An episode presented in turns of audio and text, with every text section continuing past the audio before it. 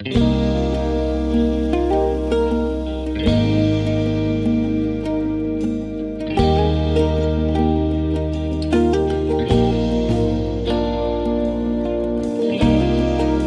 chlebem živ je člověk. Bible prostě mluví.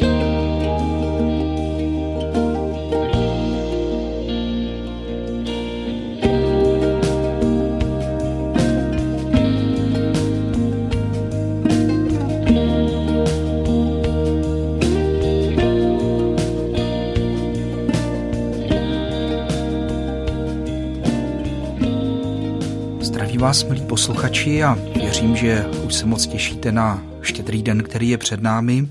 Před několika, možná mnoha lety, právě na štědrý den mi zazvonil mobil a volal mi jeden kamarád nebo známý, s kterým jsem se kdysi potkal pod stanem na dovolené. Už se blížil večer a on mi říká, hele, my tady sedíme u stolu, u štědrovečerního stolu a je to takový nějaký divný, nám tady něco chybí. Prosím tě, neznáš nějakou modlitbu?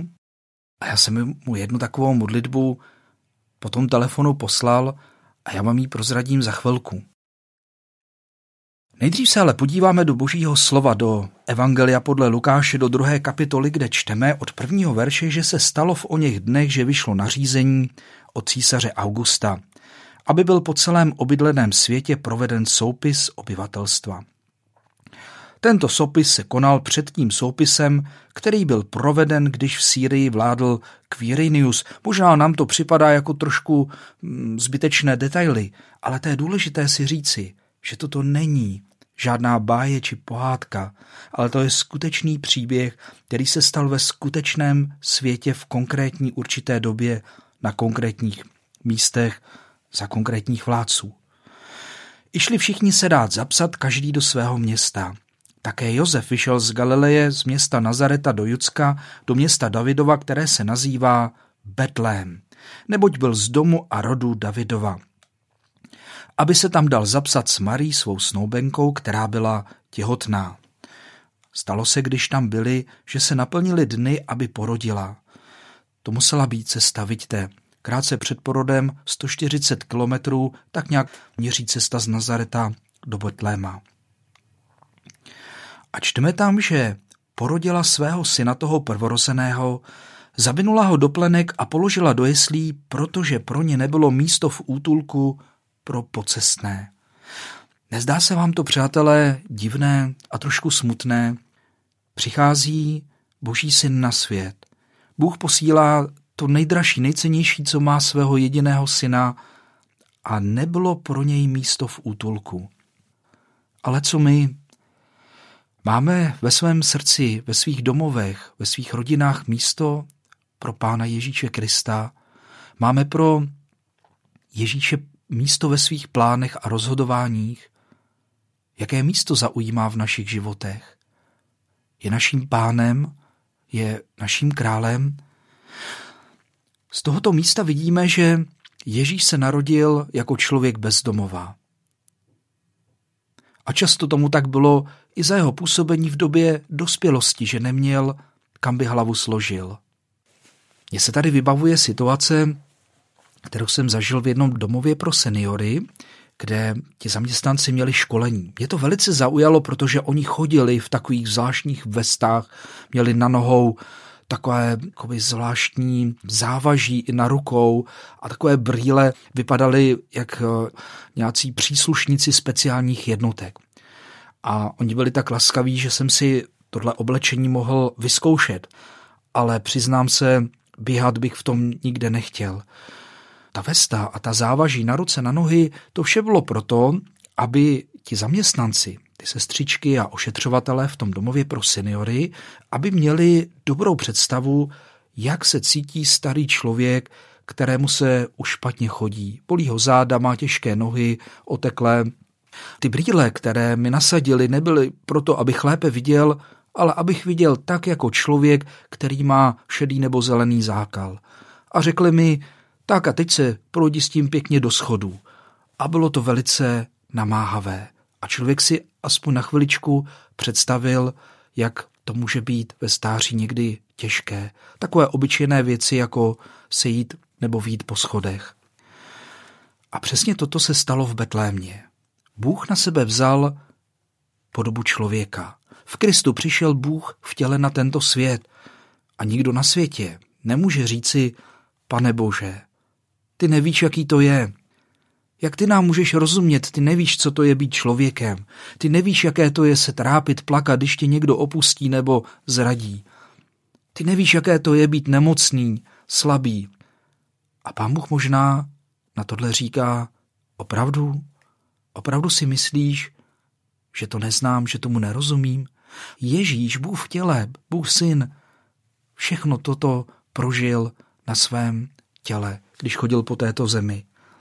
A když se narodil, tak se nenarodil v nějakém paláci, ale někde ve jesličkách ve stáji a nebylo pro něj místo. Čteme tam dále, že v krajině byli pastýři, pobývali venku, v noci drželi hlídky nad stádem a najednou se tam k ním postavil pánův anděl a pánova sláva je ozářila, i zmocnil se jich veliký strach, no bodeď. Anděl jim řekl, nebojte se.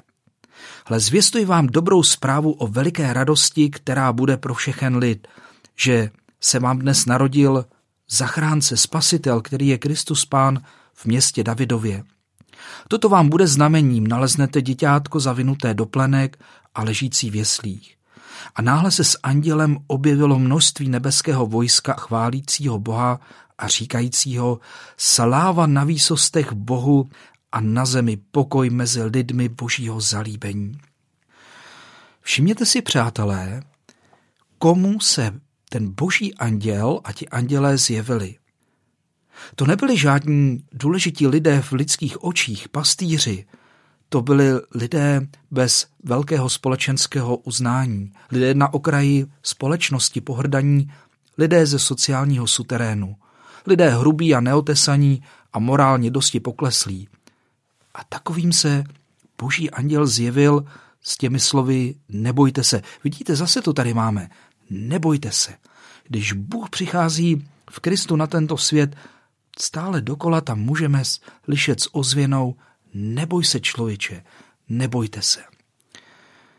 A všimněme si, že ti pastýři se s boží slávou setkali úplně při obyčejné lidské činnosti. Pásli, ovce byli věrní v tom, co měli dělat, co měli na starost. A to mi napovídá, že právě v těch našich všedních úkolech, v té všední práci, v tom, co nám nepřípadá jako moc zajímavé nebo dobrodružné, právě tam můžeme nacházet boží slávu a setkávat se s ní. A anděl jim zvěstuje příchod zachránce, příchod spasitele. A říká sláva na výsostech Bohu a na zemi pokoj mezi lidmi božího zalíbení. A my to někdy otáčíme. Někdy říkáme sláva nám lidem a ty bože nám dej pokoj. A to je škoda, protože tím míme to, co nám Bůh v Kristu dává. Stalo se, že jakmile od nich andělé odešli do nebe, tak si pastýři mezi sebou začali říkat, pojďme tedy až do Betléma a podívejme se na to, co se tam stalo, co nám pán oznámil. Pojďme a podívejme se. Ten jejich přístup se mi moc líbí. Pojďme a přesvědčme se, jak to je. Pojďme do Betléma. Betlém, Betlechem, to znamená doslova v češtině dům chleba. A to je výzva i pro nás. Otvírejme písmo, které je chlebem pro naše duše nebo pro naše srdce, pro náš duchovní život. A pán Ježíš sám o sobě mluví jako o chlebu života. Pastýři říkali, pojďme a podívejme se. A jako by pán Bůh nám tím říkal, pojď člověče, pojď a přesvědč se, pojď ke mně a okus, jak jsem dobrý. Je to aktivní, nikoli pasivní postoj, ale je to hledání. Pospíšili si tam, nalezli Marii, Josefa a děťátko, které leželo v jeslích. Když je spatřili, oznámili slovo, které jim bylo o tom dítěti řečeno. A všichni, kdo to uslyšeli, žasli nad tím, co jim pastýři řekli. Marie však toto všechno uchovávala ve svém srdci a rozvažovala o tom. A pastýři se pak navrátili, oslavujíce a chválíce Boha za všechno, co uslyšeli a uviděli, jak jim bylo řečeno.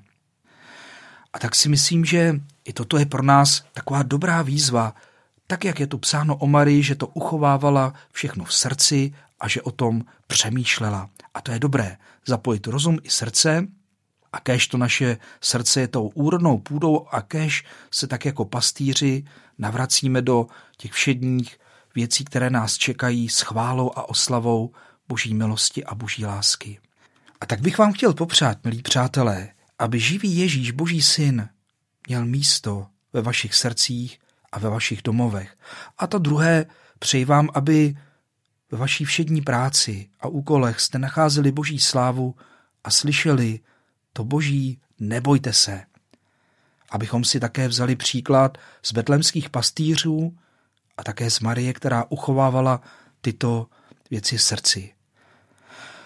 A jakže zněla ta modlitba, kterou jsem řekl tomu svému kamarádu po telefonu, já jsem mu tehdy řekl, jestli cítí, že vám něco chybí doma, tak řekni třeba, pane Ježíši, já v tebe věřím. A nebo třeba ne úplně, ale chtěl bych v tebe věřit. Prosím tě, přijď k nám domů. Buď s námi. Odpust mi moje hříchy. A buď mým pánem a buď mým pastýřem. Přeji vám krásné Vánoce. Zdař Bůh.